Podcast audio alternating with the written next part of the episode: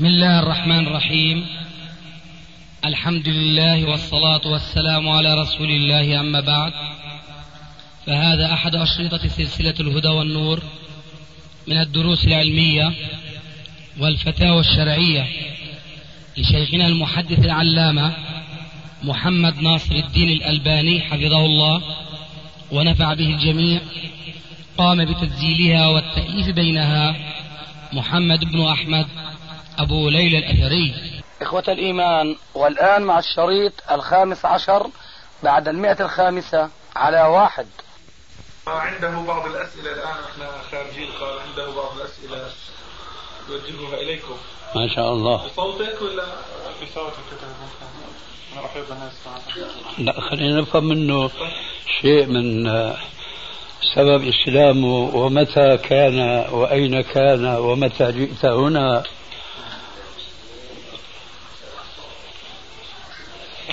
أبو ليلى نعم. يفهم العربية. لو سمحت. جميل. هاي شغلتك طويلة يا أبو ليلى بدك تختصرها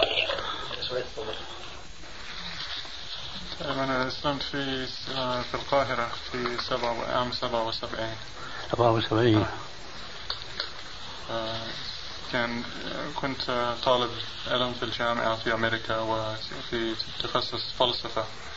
فدراسة الأخلاقيات آه، دعتني إلى أن يعني أنبعث في رغبة في أن أقرأ القرآن باللغة الأصل. درست العربية وذهبت إلى القاهرة كي أحسن عربيتي. جميل. فأسلمت في, في القاهرة. ما الباعث على الإسلام. ما الذي تجلى لك منه؟ وجدت أنه دين معقول. كنت كاثوليقي من الدين الكاثوليك.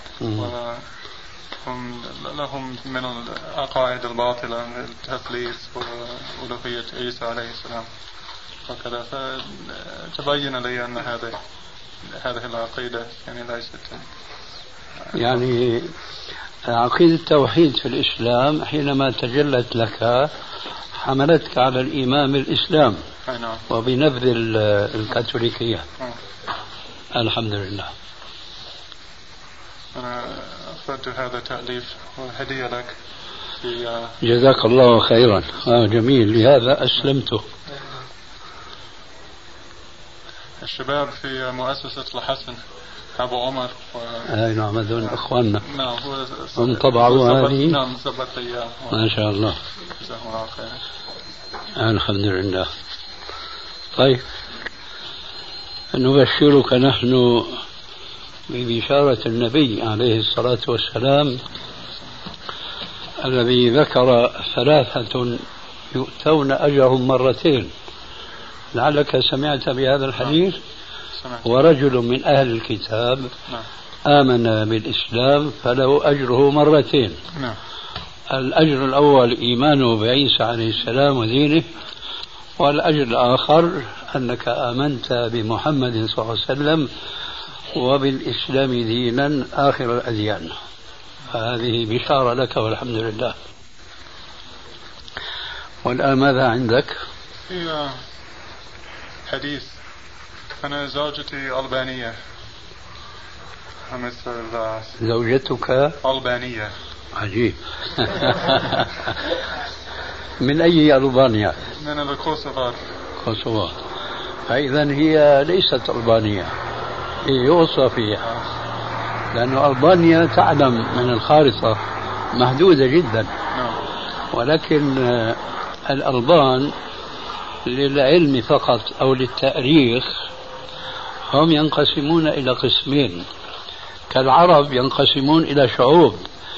فكلمة العرب تجمع الشعوب العربية كلها ما بين مثلا أردني وسوري ومصري وحجازي وعراقي ونحو ذلك. كل هؤلاء يسمون عربا. آه الألبانيون المقيمون في يوغوسلافيا ونحو تلك البلاد هم يسمون بالاسم العام الأرنؤوط نعم. آه. من الأرنؤوط الألبان. أي. وعليكم السلام ورحمة الله وبركاته. كما أن كل مصري مثلا هو عربي نعم. ولا عكس فليس كل عربي مصري نعم. فقد يكون حجازيا مصر آه، أردنيا ونحو ذلك. كذلك ليس كل أرنؤوط ألبان وإنما العكس تمام. كل ألباني أرنؤوط نعم. فالأرنؤوط اسم جنس. نعم. يشمل من كان في ألبانيا ومن كان فوق ألبانيا أي في يوغوسلافيا نعم. هذا أحببت بيانه. طيب فزوجتك على حد تعبيرك ألبانية. نعم. نعم. هي آه، تلبس الحجاب في داخل ال- البيت وتحتاج في حديث آه، أن أسأل عنه أن الملائكة لا معنى الحديث أن الملائكة لا تفوت البيت فيه آه، فيه. كاشفة هل هذا ثابتة أم غير ثابتة؟ أنت تقول بأنها تضع الخمار وهي في آه، بيتها حجاب يعني مش مش نقاب إيه. أقول هذا اسمه الخمار آه يعني القماش الذي تغطي المرأة رأسها نعم لغة اسمه الخمار نعم. أما هذا فاسمه النقاب آه. أو اسمه المنديل أو ما شابه ذلك فأنت تقول بأنها تختمر أي تغطي رأسها نعم. وشعرها بناء على هذا الحديث آه.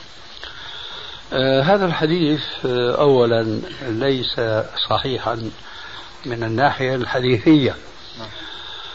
لأنه ليس له رواية مسندة. تعرف مسندة يعني بسند وبإسناد صحيح عن الرسول عليه السلام. لا وجود لهذا.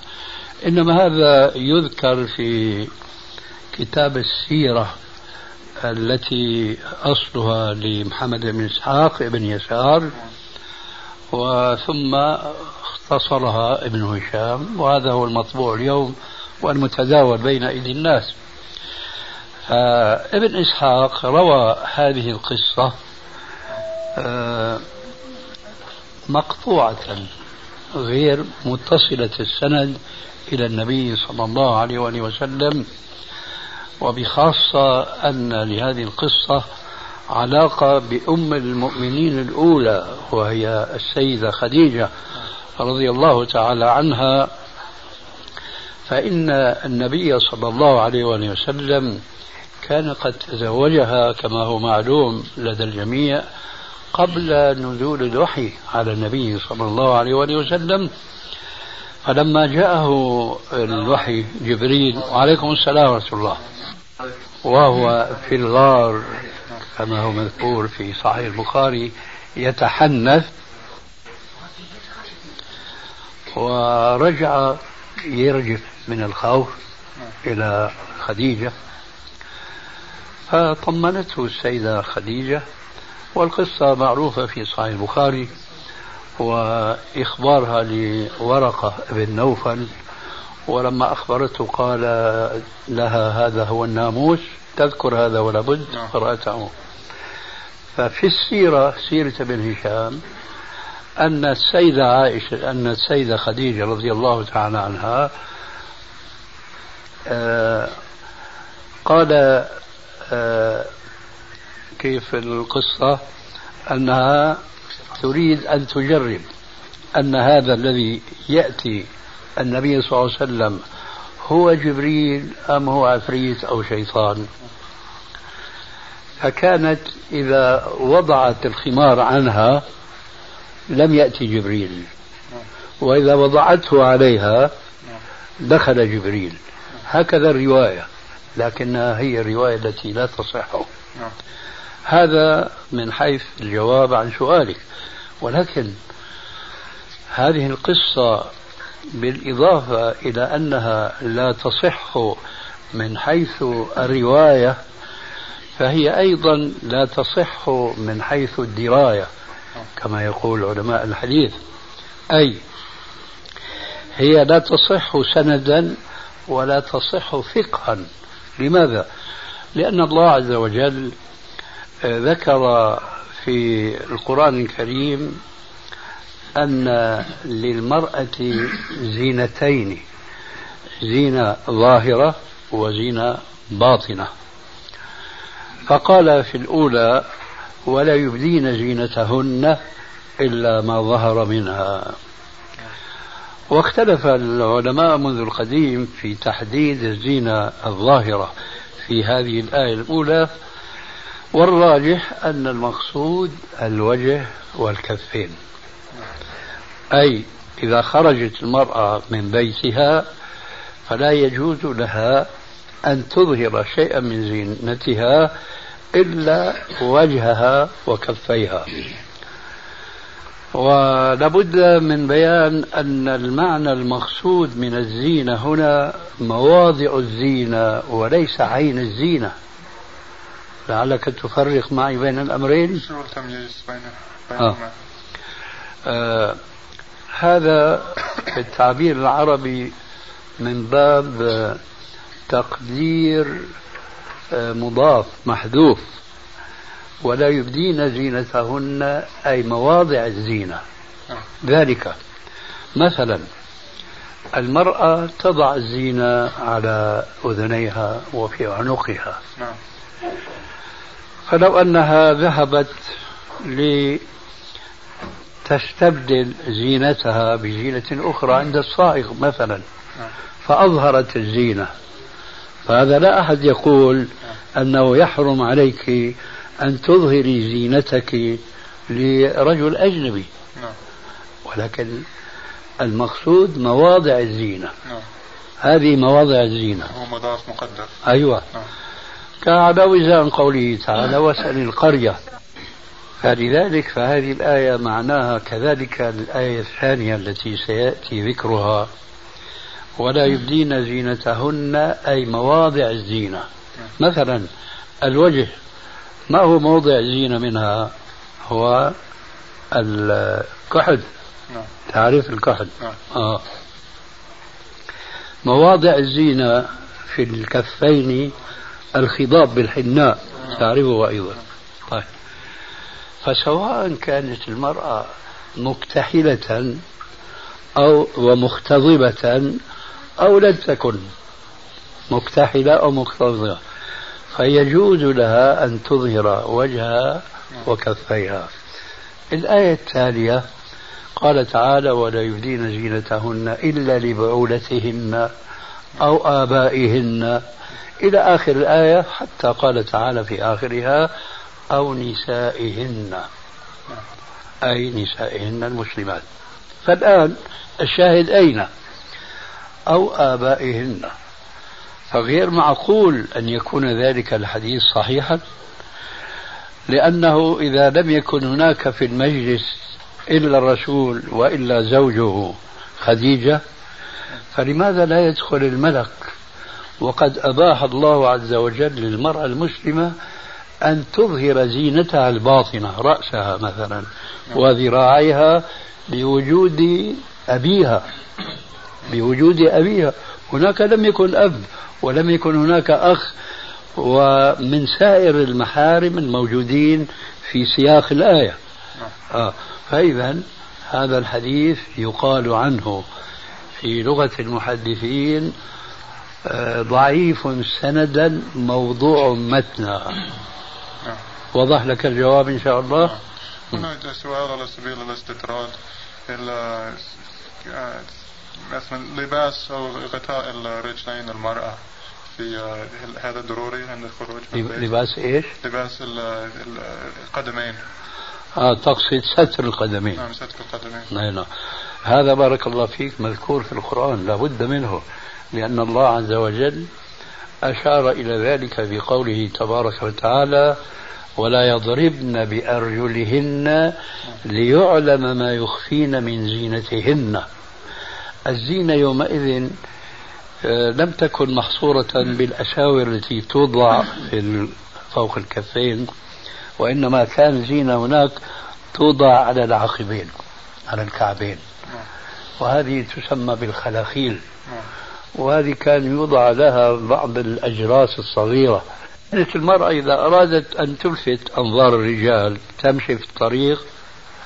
فتضرب الأرض فهي لماذا كانت تفعل هكذا؟ لأنها كانت مستورة القدمين والدليل على ذلك أن النبي صلى الله عليه وآله وسلم كما جاء في الصحيحين من حديث عبد الله بن عمر بن الخطاب رضي الله تعالى عنهما أن النبي صلى الله عليه وآله وسلم قال من جر إزاره خيلاء لم ينظر الله تبارك وتعالى إليه يوم القيامة. قالت امرأة وهي عربية وتفهم اللغة العربية بالفطرة بالسليقة ويجب علينا نحن العاجم الألبان والأمريكان أن نتعلم اللغة العربية من كتاب الله ومن حديث رسول الله صلى الله عليه وسلم. لما سمعت إحدى النسوة قوله عليه السلام من جر إزاره خيلاء فهمت أن هذا الحرف من يشمل الجنسين النساء مع الرجال. ولذلك قالت يا رسول الله إذا تنكشف قدمنا. فقال عليه السلام أي في أثناء المشي. وهذا ظاهر جدا. فقال عليه السلام إذا يزدنا شبرا. فإذا زادت المرأة شبرا على ما فوق الكعبين ستر الشبر الزائد القدمين. فجاء سؤال ثاني. قالت يا رسول الله إذا تأتي ريح فتكشف. قال يزدنا شبرا آخر ولا يزدنا على ذلك شيئا. من هذا الحديث فهمنا أن المرأة يجب عليها أن تستر قدميها. قد يكون هناك قد يكون هناك فرق بين النساء اليوم المسلمات والنساء في ذلك الزمان. ذلك لأن الرجال في ذلك الزمان فضلا عن النساء لم يكن لباس الجوارب شائعا شيوع شيوعه في هذا الزمان. لأن المدنية هذه المادية ارتقت بالناس في هذه النواحي فصار الجورب من أرخص الأثمان حتى تجد الفقير الصعلوق يتجورب إذا صح التعبير هذا. أما يومئذ فكانوا فقراء وقليل منهم جدا من يلبس الجوارب ثم قد تكون مخرخة. وهذا يجرنا إلى مسألة فقهية نحن بحاجة إليها. هناك خلاف بين الفقهاء قديما وحديثا في المسح على الجوربين. أنت تعرف المسح على الخفين جائز باتفاق علماء المسلمين من أهل السنة والجماعة المسح على الخفين. لكنهم اختلفوا في المسح على الجوربين. أيجوز أم لا يجوز لا شك ولا ريب في أن الحق هو الجواز. ولكنهم اختلفوا في شرط الجواز جواز المسح على الخفين. فهناك أقوال كثيرة ولا أريد الخوض فيها الآن وإنما بقدر ما يتعلق بهذه المناسبة وهو قيل بأنه يشترط في الجوربين ألا يكونا مخروقين. أي مشقوقين. جاء في الآثار السلفية أن الحسن البصري ولعلك تعرف شيئا عن ترجمته أنه من كبار علماء التابعين ومن شجعانهم وزهادهم وهاتان الصفتان قدما تجتمعان شجاع وزاهد سئل هل يمسح على الجورب المخرق؟ قال وهل كان جوارب الأنصار إلا مخرقة؟ عرفت شو الشاهد نعم. لماذا كانت مخرقة؟ لأنه ما عندهم كل يوم يغيروا الجورب نعم. بجورب آخر كما هو الواقع اليوم مثلا. فالشاهد فكان لباس الجورب بالنسبة للرجال يومئذ عزيزا فضلا عن النساء. فكانت النساء في عهد العرب الأولى في الجاهلية وفي أول الإسلام كانوا يكتفين بلبس الثوب الطويل. فإذا جاءت ريح كشفت عن ساقها ولذلك جاء ذاك السؤال وذاك وجاء ذاك العلاج النبوي العاجل وهو أن يزدن شبرين حتى ما تتعرض المرأة لانكشاف قدمها فضلا عن ساقها. اليوم تلبس النساء الجوارب. فقد يتوهم بعضهن أنه يكفيهن أن يلبسن الثوب إلى الكعبين أو ربما إلى نصف الساق كما تعارف عليه بعض النسوة المنتسبات إلى حزب معين يزعمن بأن الجورب يستر وليست المرأة بحاجة أن تطيل ثوبها بحيث تستر قدميها. الجواب لا شك أن المرأة التي تلبس الجوربين ويكون ثوبها لا يستر القدمين لا شك أن هذه خير من تلك التي لا تلبس الجوربين ويكون ثوبها لا يستر القدمين. إذا الآن عندنا صنفان من النساء. صنف آه، يمتاز على الآخر بلبس الجوربين ولكن كل من الصنفين يشتركان في الثوب القصير. المتجوربة خير من الحافية ولكن هناك صنف ثالث وهذا هو الكمال. ثوبها طويل يستر القدمين وهي لابسة للجوربين. فالشاهد بأن كشف المرأة عن قدميها حافية لا يجوز للآية المشار إليها سابقا أو المذكورة آنفا وللحديث المذكور سابقا على فكرة هل هو آه، مخل لشرط الستر في صلاتها؟ نعم هذا هو الأرجح ولكن إذا بدا باطن قدمها نعم. في أثناء السجود. مثلا فهذا لا بأس نعم. أما إذا كانت واقفة فلا بد لما ذكرنا من الأدلة أن يكون قدماها مستورين. نعم. إذا بدأ شيخنا يعني عن غير تعمد بالنسبة لبعض. كيف؟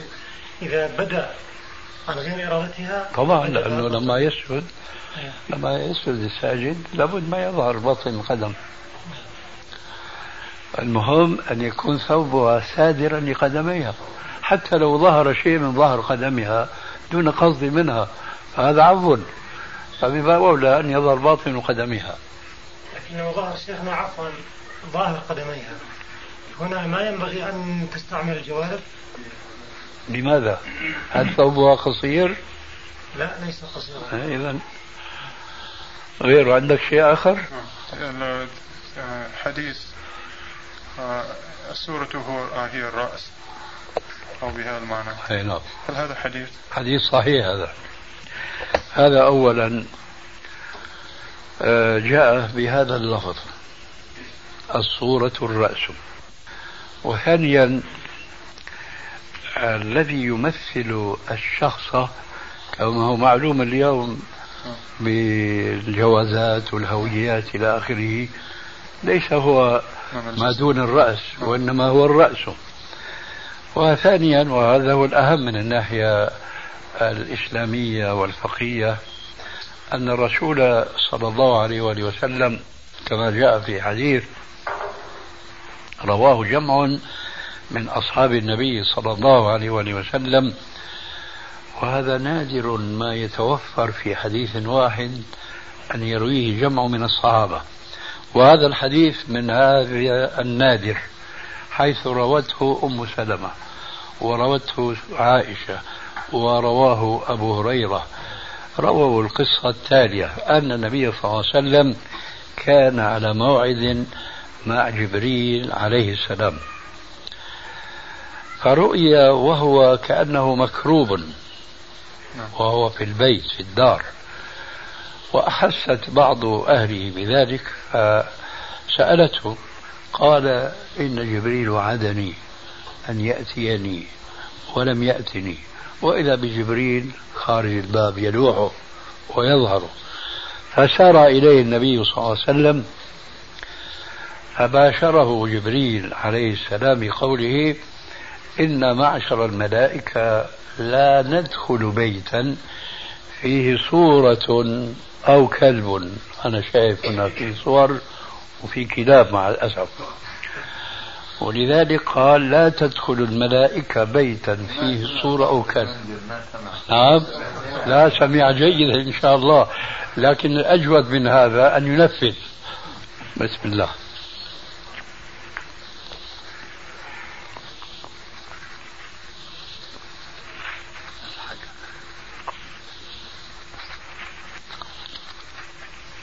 السورة عسلك الله السورة الرأس أين وارد هذا الحديث؟ في صحيح الجامع الصغير نعم. تجي.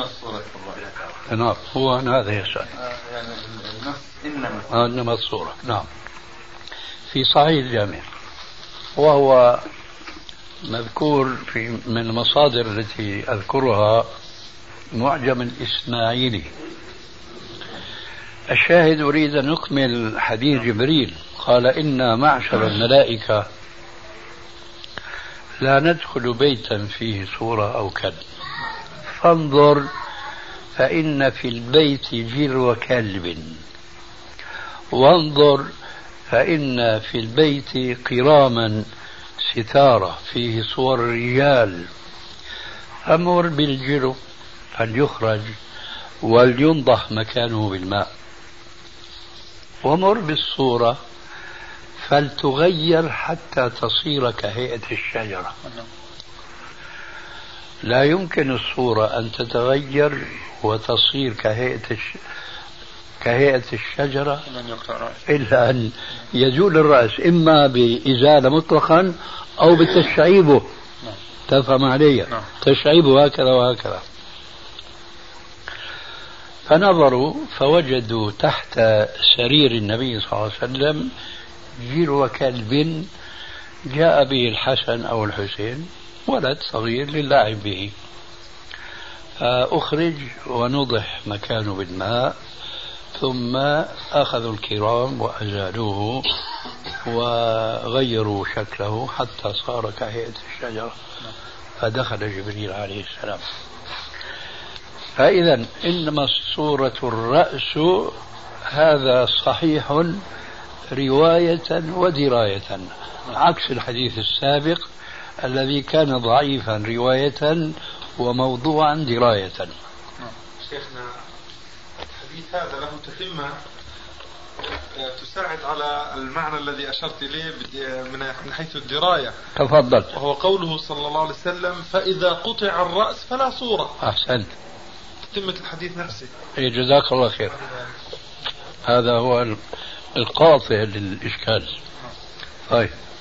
قد تفرق بين الممتحن الممتحنة وغير ممتحن مثلا في المسألة آه هذا التفريق اسم آه التفريق هذا يلتجأ إليه وصار إليه بعض العلماء لكن نحن لا نراه راجحا بل مرجوحا نراه. ذلك لأنه لا يوجد آه، فيما علمنا ووقفنا عليه دليل صريح أنه يجوز اقتناء الصورة الممتهنة. وهذا يعود إلى سببين اثنين شرعا.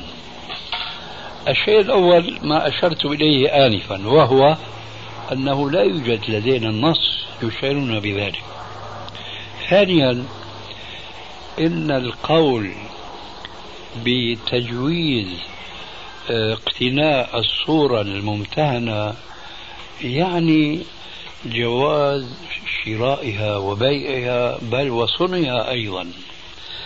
ونحن نعلم من قواعد الشريعة وأصولها وتفريعها على هذه الأصول كما جاء في مثل قوله تعالى وتعاونوا على البر والتقوى ولا تعاونوا على الإثم والعدوان أن كل ما يؤدي إلى معصية فهو معصية آه.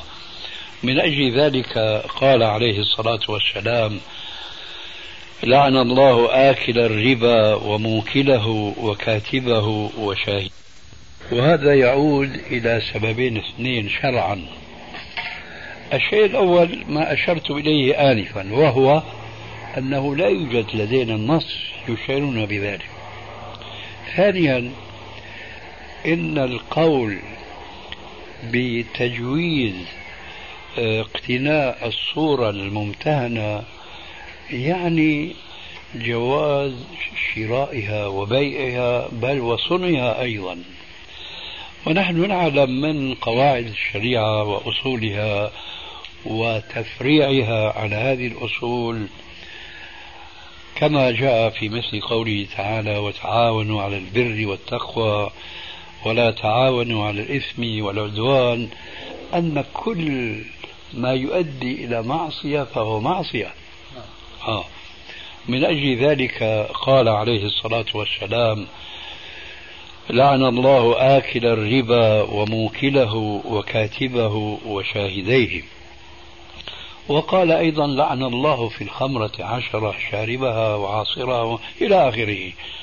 فإذا هذه الصورة الممتهنة من أين نأتي بها لنقول يجوز اقتناؤها ما دامت أنها ممتهنة؟ هذا القول يمكن في صورة واحدة أن يركن إليها بعض الناس يركن إليه بعض الناس هو إذا الإنسان ابتلي بغفلة حينما اشترى بساطا أو سجادا وإذا بهذا البساط أو هذه السجادة فيها صورة. فنقول لا بأس ما دام أنها ممتهنة. أما أن يشتريها المسلم وهو يراها ويعلل شراءه إياها بأنها ممتهنة فهذا أبعد ما يكون عما ذكرنا من أصول الشريعة ومن نهي عن التعاون على الإثم والعدوان. آه، كثير أو بعض العلماء آه، يحتجون فيما ذهبوا إليه من جواز الصورة الممتهنة بقصة آه، وسادة عائشة. أنها رضي الله عنها كانت اشترت وسادة الرسول فأمرها عليه الصلاة والسلام بإزالتها فاتخذت منها آه، آه، بساطا. لكن في بعض الروايات ما يدل كما ذكرت هذا أنا في كتاب آداب الزفاف لعلك وقفت عليه آداب الزفاف في السنة المطهرة. ترجم إلى فكرة آه. أي نعم ترجم صحيح. أي نعم. الشاهد آه ذكرت هناك أن القطع كان واقعا على الصورة فمعناها ذهبت أيضا معالمها فلم يبقى ثمة حجة إطلاقا للقول بتجويز اقتناء الصورة الممتهنة لا سيما إذا كان شراؤها وهي ظاهرة جلية. يضاف إلى هذا الذي ذكرته شيء آخر وهو من باب الفقه والاقتباس والاستنباط. لقد جاء في الحديث الصحيح أن النبي صلى الله عليه وسلم كان إذا رأى صليبا في بساط قضبه. تفهم هذا؟ قضب لا يعني كشطه نعم. يعني أزال معالمه نعم. ها؟ والصليب كما يذكر بالتثليث الذي أنجاك الله منه كذلك الصور هذه تذكر بعبادة الأصنام التي كان الله عز وجل آه، آه، يعني امتن على عباده المؤمنين بأن أرسل إليهم الرسول الكريم فأنجاهم من عبادة الأصنام. فإذا كض الصليب ينبغي أن نلحق به قضب الصورة لكني أنا أقول وهذا أيضا من باب الاستنباط إذا كان آه، يترتب من قضب الصورة أو الصليب إفساد للصوب للثوب أو للبساط إفسادا مضرا بالمادة بالمال فحينئذ يقتنى حتى تزول أثر هذه الصورة أو أثر ذلك الصليب. هذا الذي ينتهي إليه الرأي عندي. سبحان الله كان أحد الإخوان كنت في زيارة له نعم. فذكر لي أنه اشترى بساطا.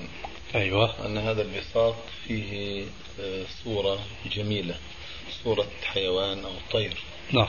وهذا البساط ثمنه غال. آه. نعم. من سجاد نفيس جدا.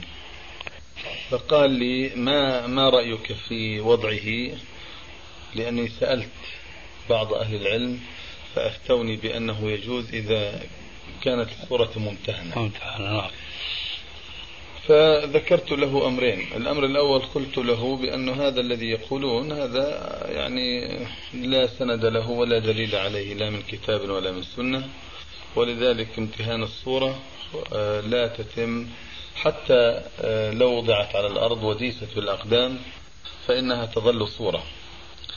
الأمر الثاني أنه يجب عليك إعادة هذه البساط.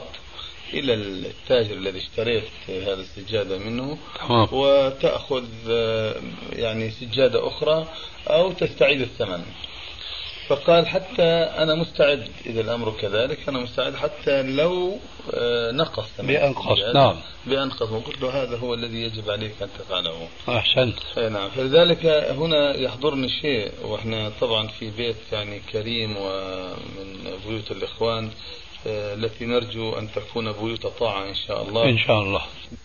والحديث كما يقولون ذو شجون والمسلم يعني لابد أو المسلمون أن يكونوا نصحة فيما بينهم وأن يكون نصحهم آه، يراد به إصلاح أمرهم وأن يكون هذا الإصلاح أقرب ما يكون إلى منهج النبوة. الذي تعلمناه من كتاب الله وسنة رسول الله صلى الله عليه وسلم. عليه الصلاة والسلام. لذلك الذي أرى هنا يعني بالمناسبة أن تحدث الإخوان أيضا عن هذه الصور الموجودة في البيت ماذا يصنعون بها؟ بشرط أن توافق أن ما في عجلة في الأمر. أي نعم على كل حال بس هو المهم البيان يعني. لأنه لا يجوز كما تع- تعلمون لا يجوز تأخير البيان عن وقت الحاجة. والحاجة قائمة فلا بد من بيان. سبق البيان. نعم. لا الأستاذ يريد شيئا آخر. لكن, لكن ما رأيك لولا حديثه لولا آه آه ما هو أنا أعرف هذا. طيب. لكن الحمد لله ترى في خير.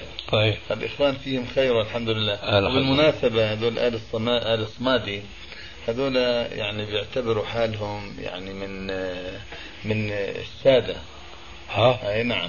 عيبا بتفتحون حجة جديدة عليكم. إيه. أي نعم بيعتبروا أي نعم هم من جزاك. الله خير. ولذلك نحن نذكر السادة إيه. بأمر سيد السادة. ما شاء الله. جزاك الله خير. والسلام. أي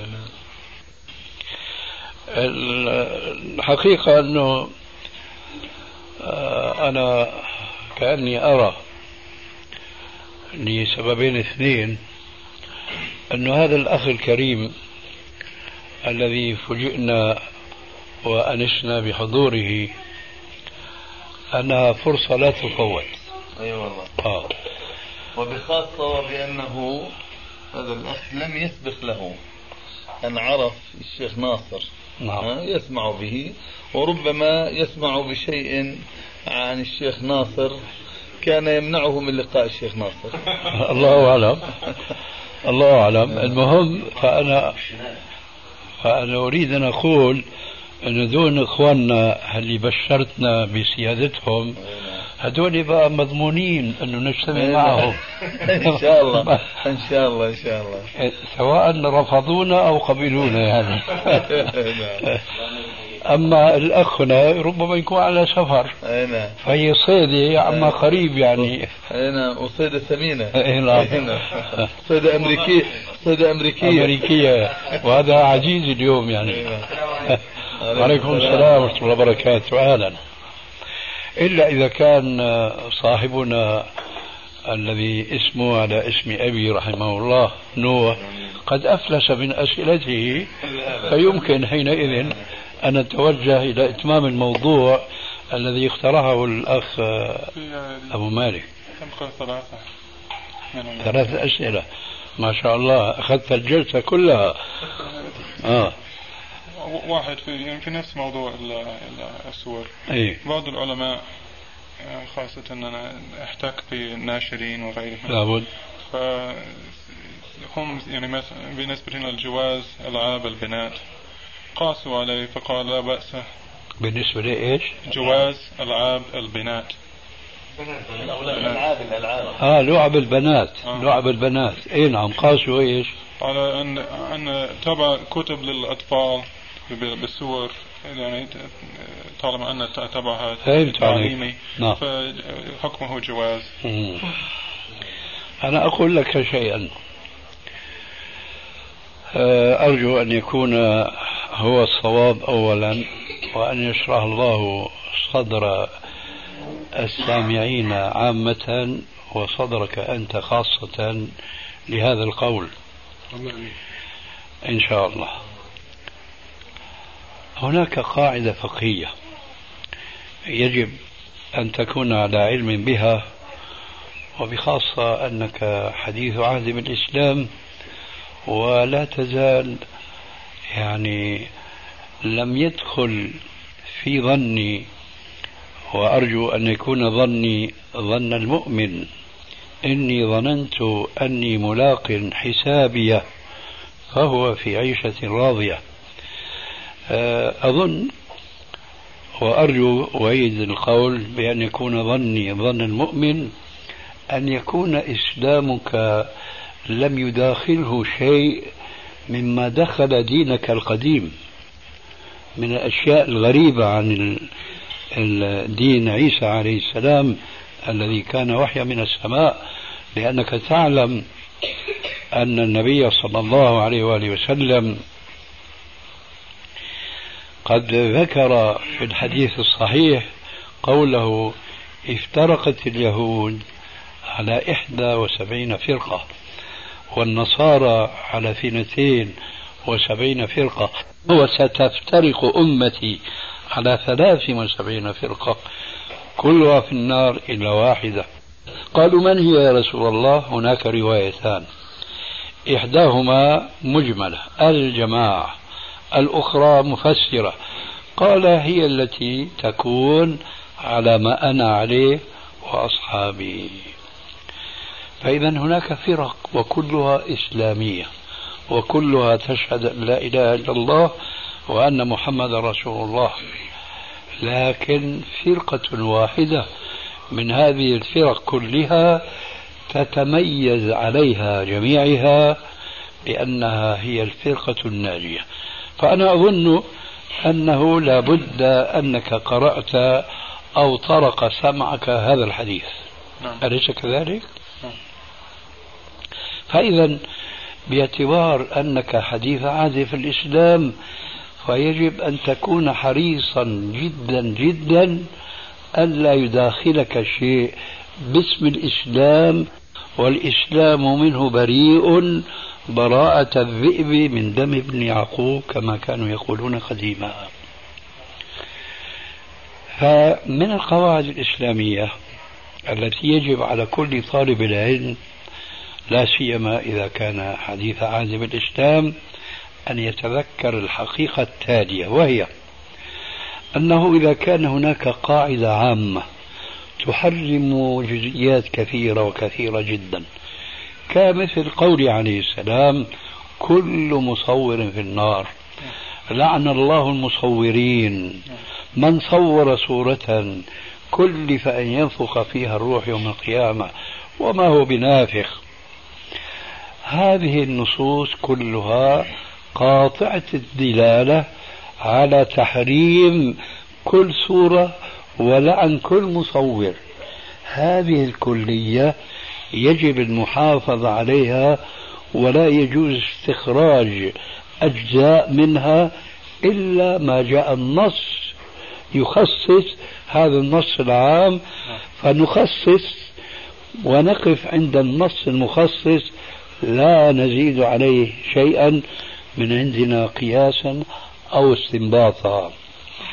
فلعب الأطفال التي سألت عنها دليلنا في إباحتها هو حديث السيدة عائشة رضي الله تعالى عنها الثابت في صحيح البخاري. قالت كان رسول الله صلى الله عليه وسلم يسرب إلي بنات جواري فيلعبن معي ببناتي. ودخل عليها يوما الرسول صلى الله عليه وسلم فوجدها بين لعبها ووجد بينها فرسا لها جناحان قال يا عائشة ما هذا؟ فرس له جناحان. قالت يا رسول الله ألم يبلغك أن خيل سليمان عليه السلام كان ذوات أجنحة؟ فضحك وكان ضحكه إقرارا لها. لولا هذا الحديث لبقينا مع النصوص العامة تماما وما استثنينا لعب البنات. الآن نقف عند حديث عائشة في لعب البنات. فنلاحظ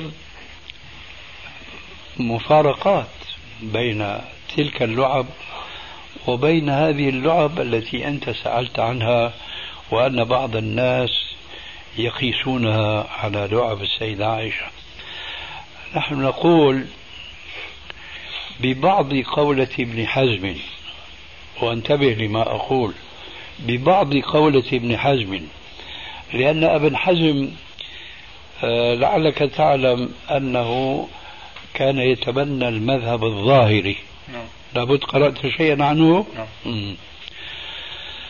ومن ظاهريته أنه ينكر القياس مطلقا نعم. وإن كان هو يضطر أحيانا أن يقع في القياس نعم.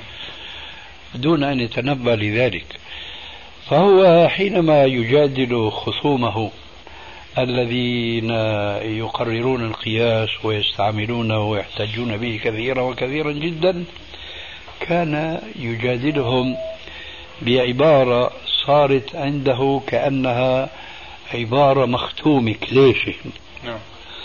يقول هذا قياس والقياس كله باطل. ولو كان منه حق لكان هذا منه عين الباطل. فأنا يعجبني منه الجملة الأخيرة. نحن لا ننكر القياس. نحن نقر القياس ولكننا مع الإمام الشافعي الذي يقول القياس ضرورة. وليس القياس أن يتوسع الإنسان في تبسيط الأحكام وتكثير على الناس فما جاءهم من البيان من الأحكام في الكتاب والسنة يكفيهم. لكن الضرورات لها أحكام. آه. هل هل الحاجة تنزل من منزل الضرورات؟ الحاجة لا. الحاجة هذه لها حكم ثاني. فأقول حتى ما نبعد كثيرا نعم.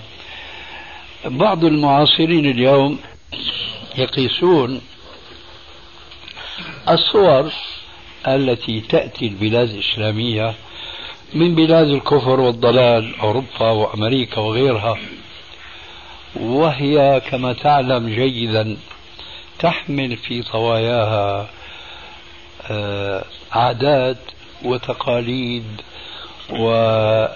وثقافات هؤلاء المصدرين لهذه الصور فهي تحمل في طواياها مثلا الخلاع نعم. والتبرج المحرم عندنا في دين الإسلام أما هم فما فكما وصفهم ربنا عز وجل في القرآن بقوله قاتلوا الذين لا يؤمنون بالله ولا اليوم الآخر ولا يحرمون ما حرم الله ورسوله ولا يدينون ولا يدينون دين الحق من الذين أوتوا الكتاب. فهؤلاء لا يحرمون ولا يحللون فيصدرون إلينا هذه اللعب وتحمل في طواياها كما قلنا خلاعتهم وأخلاقهم وعاداتهم وتقاليدهم وإلى آخره. فمن هذه الحيثية تختلف تماما. هذه اللعب عن لعب السيدة عائشة. نعم. هذه واحدة. والأخرى الإسلام لا يريد أن يجعل معامل ومصانع تنتج هذه اللعب لعب البنات لأن الإسلام لا يؤمن بشيء يعرف اليوم مع الأسف حتى عند كثير من الإسلاميين بالفن. الفن نعم. الإسلام لا يشجع على شيء من هذا الأمر التافه الذي لا قيمة له مما يربطونه بما يسمونه بالحضارة الغربية لكنه يسمح بتعاطي صور صور بيتية نابعة من نفس البيت لأن في ذلك شيء من التمرين للفتاة الناشئة على ما يسمى اليوم بتدبير المنزل. هون بتخيط خرقة مفتوقة هون بتركز زر مثلا ينبغي تعليقه وهكذا. أما أن نجلب هذه الأصنام وهذه التماثيل حتى وصل الأمر ببعض هذه التماثيل تكون في حجمها أكبر من حاملها. أليس كذلك؟ لهذا يبيحه الإسلام قياسا على لعب السيدة عائشة حاشا لله. أعود لأربط بعد هذا الشرح الأصل المنع بتلك الأدلة العامة. فلا نقيس ولا نلحق أشياء وأشياء بحيث أننا نأتي إلى هذه النصوص العامة ونوهن من عمومها وشمولها بهذه الإلحاقات والقياسات. التي ما أنزل الله بها من سلطان. هذا نهاية جوابي عن سؤالك. ولعله واضح؟ نعم. إن شاء الله.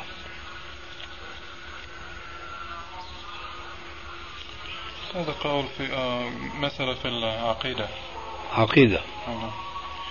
آه ما رأيك في قول الإمام أبي حنيفة في متن شرح الفكر الأكبر لعلي القارئ صفحة 51 أن الله تعالى يتكلم بلا آلة ولا حروف والحروف مخلوقة وكلام الله تعالى غير مخلوق. نظرا إلى أن هذا القول إن ثبت أن أبي حنيفة يوافق عقيدة الأشاعرة في المسألة وأن أبا حنيفة من السلف الخلاف آه، سؤالك هذا يفتح لي بابا جديدا من العلم. آه، لابد أن آه، أذكرك به وأن ألفت نظرك إليه. الإسلام كما تعلم قال في القرآن الكريم وهذا من مزاياه أنه حذر المسلمين أن يقعوا في مثل ما وقع الأولون من اليهود والنصارى فقال في حق هؤلاء اتخذوا أحبارهم ورهبانهم أربابا من دون الله والمسيح ابن مريم. هذه الآية حين نزلت كان في المجلس رجل عربي من العرب النوادر الذي كان بالتعبير العصري مثقفا يومئذ غير أمي. العرب أميون إلا النادر منهم فهذا كان من هؤلاء النادرين كان مثقفا كان متعلما. قرأ الكتاب المعروف بالكتاب المقدس الذي يحوي التوراة والإنجيل فوجد التوراة والإنجيل خير مما وجد عليه قومه يعبدون التماثيل والأصنام. وجد هناك شيء من الأخلاق شيء من التشريعات حيث لا يجد شيء من ذلك إطلاقا في الوثنية الجاهلية. فتنصر. ولما جاء إلى النبي صلى الله عليه وسلم وهو على نصرانيته جاء وقد علق الصليب على صدره. فأنكر الرسول عليه السلام ذلك عليه ثم هداه الله عز وجل وأسلم وحسن إسلامه. وأخذ يتفقه ويجلس مجالس الرسول عليه السلام. ذات يوم لما نزلت هذه الآية اتخذوا أحبارهم ورهبانهم أربابا من دون الله وهو كان من أولئك النصارى. قال يا رسول الله ما اتخذناهم أربابا من دون الله؟ تبادر إلى ذهن عدي بن حاتم رضي الله عنه إلى أن مقصود الآية يعني اعتقدوا في أحبارهم أنهم يخلقون ويرزقون ويميتون ويحيون وإلى آخره. قال ألستم كنتم إذا حرموا لكم حلالا حرمتموه وإذا حللوا لكم حراما حللتموه؟ قال أما هذا فقد كان. قال فذاك اتخاذكم إياهم أربابا من دون الله. المقصود المسلمون حتى اليوم والحمد لله لا يزالون يوجد فيهم من يحافظ على التوحيد بكامله لأن التوحيد الذي يستنبط من كتاب الله ومن حديث رسول الله صلى الله عليه وسلم يختلف تماما عن التوحيد الموجود عند النصارى وعند اليهود. بل بل وأرجو أن لا يقع ثقيلا على مسامعك وحتى بعض المسلمين. التوحيد الذي جاء في القرآن في السنة يجهله كثير من المسلمين فضلا عن أهل الأديان الأخرى. ذلك لأن التوحيد الذي دعت إليه الرسل كلهم دون استثناء أحد منهم هو يعني آه، توحيد الله عز وجل في ذاته. أي لا ند له لا خالق معه لا رازق معه. وهذا أمر يشترك فيه حتى المشركون. المشركون الذين بعث إليهم الرسول صلى الله عليه وسلم كانوا يعتقدون أن الخالق هو واحد لا ند له في خالقيته ولكنهم مع ذلك وصفوا في عديد من الآيات بأنهم مشركون. وأن الله قال لهم فلا تجعلوا لله أندادا وأنتم تعلمون فما هي الأنداد التي جعلوها لله عز وجل وأنكرها الله عليهم مع أنهم كانوا يقولون بصريح القرآن الكريم كما قال عز وجل ولئن سألتهم من خلق السماوات والأرض ليقولن الله. إذا خلق السماوات والأرض هم يعتقدون أنه واحد لا شريك له. فإذا أين شركهم؟ ما دام أنهم يوحدون الله في ذاته. هنا يكمن جهل كل الأديان التي أشرنا إليها آنفا وبعض الجهل من المسلمين حيث يفهمون معنى لا إله إلا الله. حتى رأيت بعض الرسائل لبعض المشايخ فسرها لا إله إلا الله أي لا رب إلا الله. وهذا تفسير خاطئ جدا جدا بحيث يترتب منه أن مشركا يهوديا كان أو نصرانيا قال لا رب إلا الله لا يدخل في الإسلام. لأنه لا رب إلا الله كان المشركون كما سمعت آنفا من القرآن يقولون الخالق واحد رب العالمين هو واحد. إذا لماذا بعث رسول الله صلى الله عليه وسلم إلى هؤلاء المشركين أن يدعوهم إلى أن يعتقدوا أن خالق السماوات والأرض هو الله وحده لا شريك له؟ لا هذا اسمه تحصيل حاصل. تفهم مني تحصيل حاصل؟ يعني شيء كان نعم. أحسنت. يعني شيء كان موجود في قرارة نفوس المشركين هؤلاء. لكن هو دعاهم إلى شيء كانوا أحوج ما يكونون إليه كالأرض العطشة إلى ماء السماء. إخوة الإيمان تتمة الكلام في الشريط التالي. قال الله عز وجل في القرآن الكريم هذه الآية جواب لتساؤل السابق لماذا أرسل الله محمد صلى الله عليه وسلم إلى هؤلاء المشركين ما دام أنهم كانوا يعترفون بأن الخالق واحد لا شريك له. قال تعالى والذين اتخذوا من دونه أولياء ما نعبدهم إلا ليقربونا إلى الله زلفى. هنا في شيء